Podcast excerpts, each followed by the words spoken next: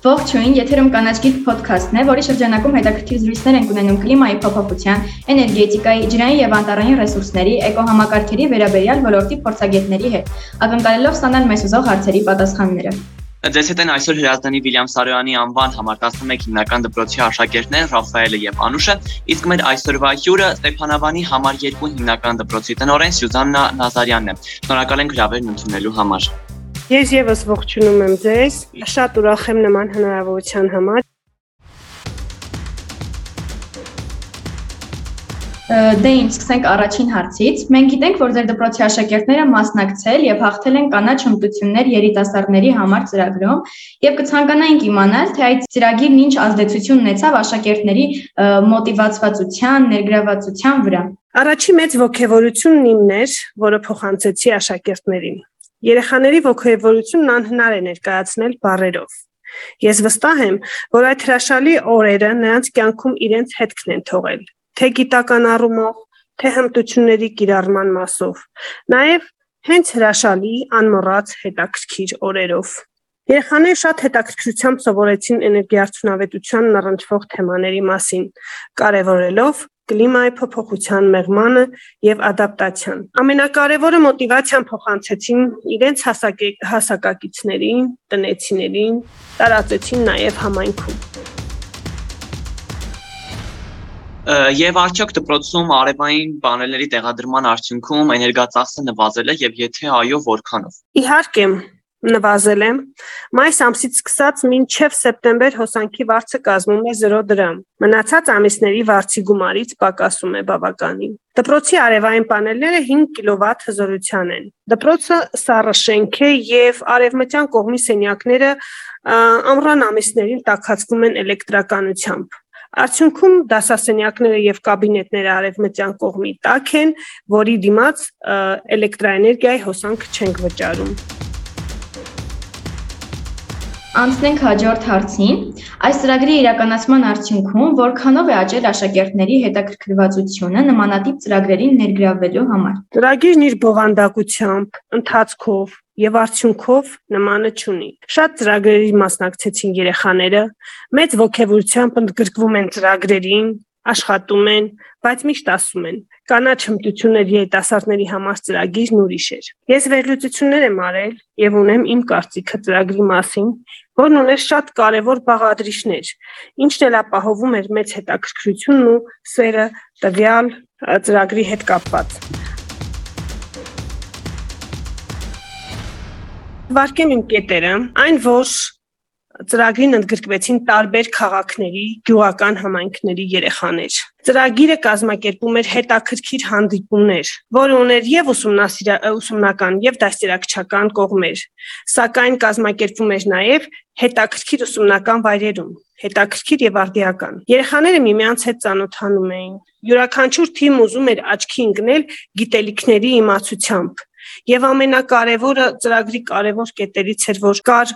առողջ, անաչառ մրցակցային պայմաններ։ Շատ կետեր եմ առանձնացրել, բայց ընդհանրացնեմ։ Այս ծրագիրը շատ ճիշտ դրամաբանական հաջորդական քայլերով կազմված ծրագիր էր,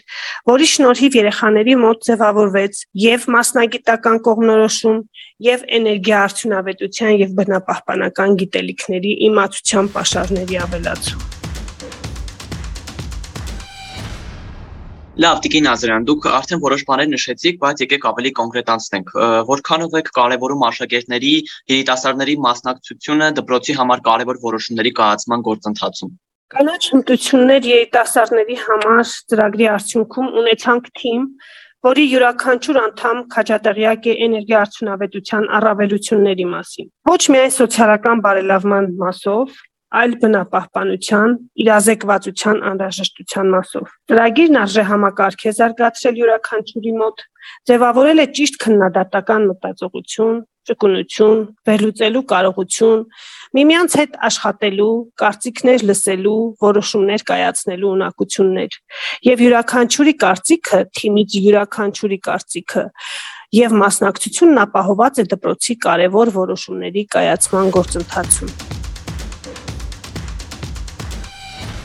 Էներգետիկայի բնագավառին առնչվող ինչ այլ ծրագրեր են իրականացվել դպրոցում։ Էներգետիկայի բնագավառը, եթե լրացնենք բնապահպանական բնագավառով, դպրոցը մասնակցել է տարբեր ծրագրերի մինի այգի ծրագրին,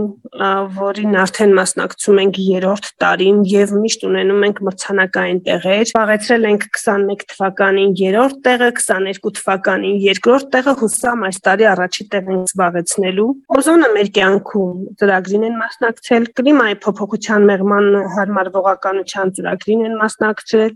Դպրոցում ունենք 3 խմբակներ՝ կանաչ դպրոցը, որը հիմնվեց կանաչ հմտություններ երիտասարդների համար ծրագրի իրականացման ընթացքում պատանի հետազոտողներ Ջինիշյան հիմնադրամի հետ համագործակցության արդյունքում պատանի խնայողներ ATP հետ համատեղ